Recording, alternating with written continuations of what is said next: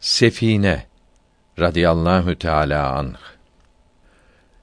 Zevcat-ı Mutahhara'dan Ümmü Seleme'nin radıyallahu anha kölesiydi. Resulullah sallallahu aleyhi ve sellem hayatta olduğu müddetçe Resulullah'a hizmet etmek şartıyla onu azad etti. Sefine radıyallahu anh Ümmü Seleme'ye radıyallahu anha şöyle demiştir.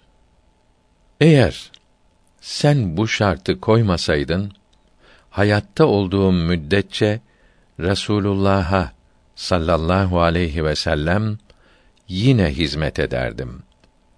On sene hizmet ettiği söylenmiştir. İsmin nedir diye soranlara adımı söylemem. Bana Resulullah Sefine ismini koymuştur derdi. Kendisine Sefine isminin hangi sebeple verildiği sorulduğunda şöyle demiştir.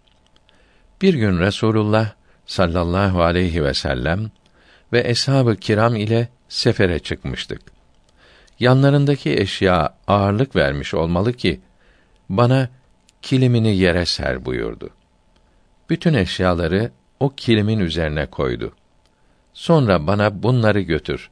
Sen sefinesin buyurdu. O gün benim üzerime bir deve yükü yüklediler. Yedi yük saymışlardı. Bana asla ağır gelmedi. Kendisi şöyle anlatmıştır. Bir gün gemiye binmiştim. Denizin dalgasından gemi parçalanıp dağıldı. Bir tahta parçasına tutunabildim. Dalgalar beni bir ormana attı. Orada bir aslan vardı.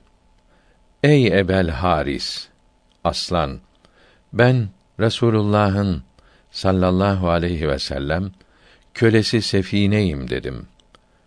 Aslan başını yere eğdi ve gelip yanını bana sürdü.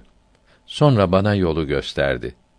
Yola çıktığımızda yumuşak sesler çıkarıyordu. Anladım ki bana veda ediyordu.